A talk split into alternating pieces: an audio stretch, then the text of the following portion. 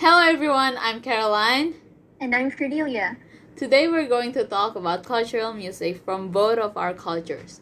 So, my ethnicity is Indo Chinese. In terms of music, Indo Chinese have pure uh, music from real Chinese culture, so there is no mix with Indonesian culture. As I grew up, I often hear traditional Chinese music. It sounds very oriental and unique because it has a nice melody and slow rhythm. It's also it is also perfect to listen to it when we're trying to heal our minds or relax ourselves, especially when we are near to nature like mountains or rivers. Chin- traditional Chinese music uh, express uh, nature. That's why when we usually watch Chinese movies, the scene when they are in high places like temples or mountains, they there will always be traditional Chinese music along. Sometimes it can be scary too because it reminds me of how Chinese ghosts look like. This music is often accompanied by traditional music instruments such as ruan, guzheng, dizi, and many more. Ruan is a traditional guitar. Guzheng is a kind of picking type musical instrument, so it is like guitar, but uh, for guitar you have to uh, grab the whole body, while for guzheng you just put it on a desk or on the floor and dizi is a traditional flute. I believe many people seem interested in getting know those instruments. Even nowadays, many people still learn how to play it. There is a small community in my church who play guzheng for church songs, and most of them are elders, which quite surprising because they still have the willingness to learn musical instruments in their age. Mostly, traditional Chinese music has lyrics that usually are very poetic and implicit, but some others don't. The reason why I said it's implicit is that those lyrics are written thousands of years ago by classic writers, which were written to teach the people back then.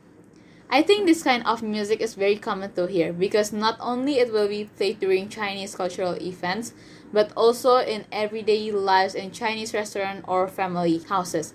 As for me, I often hear it in my big family house during the Chinese New Year celebration or when somebody is having their birthday and when someone is getting married from our family. Wow. Excuse me, may I ask you something? Yeah, of course. In your opinion, why did Chinese people come to Indonesia in the first place? Because China is a big country and is already very crowded there. So many immigrants from China move to other countries, and it's not only to Indonesia like some other countries, for example, like Singapore and Malaysia, but uh, there are many who stay in Indonesia. Oh, I see. How about you, Cordelia? What is your ethnicity? And can you describe the cultural music to me? Of course. So, my ethnicity is Bataknese. I grew up listening and singing to a variety of traditional Bataknese songs. Credits to my parents and grandparents. Bataknese songs tend to be lively and festive. They have fast and upbeat rhythm that makes you want to come up on stage and dance with the crowds. You can also tell how hyped the songs are by the lyrics. Though not all songs have any words that synonymize with happy or cheerful, but the energy that the singers put into the song is what makes the song so lively.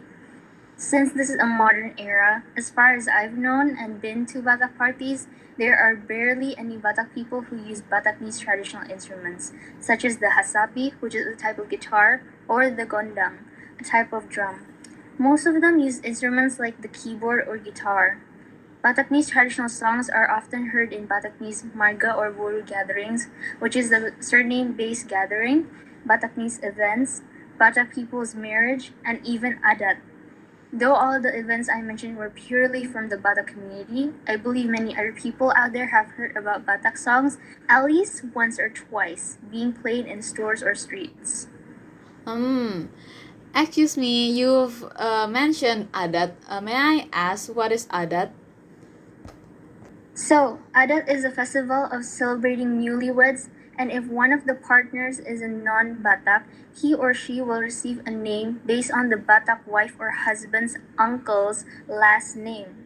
Complicated, oh. I know. Oh, I see. Well, after hearing your explanation on Bataknese music, I think we should compare it because both of our cultures are unique. Yes, in Batak we have Hasapi, while in your culture you have Ruan. Both of them have the same roles as traditional guitars.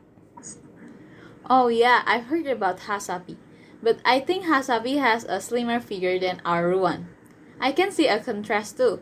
In Chinese, the music are slow because most are played along with soft musical instruments such as traditional guitar and violin.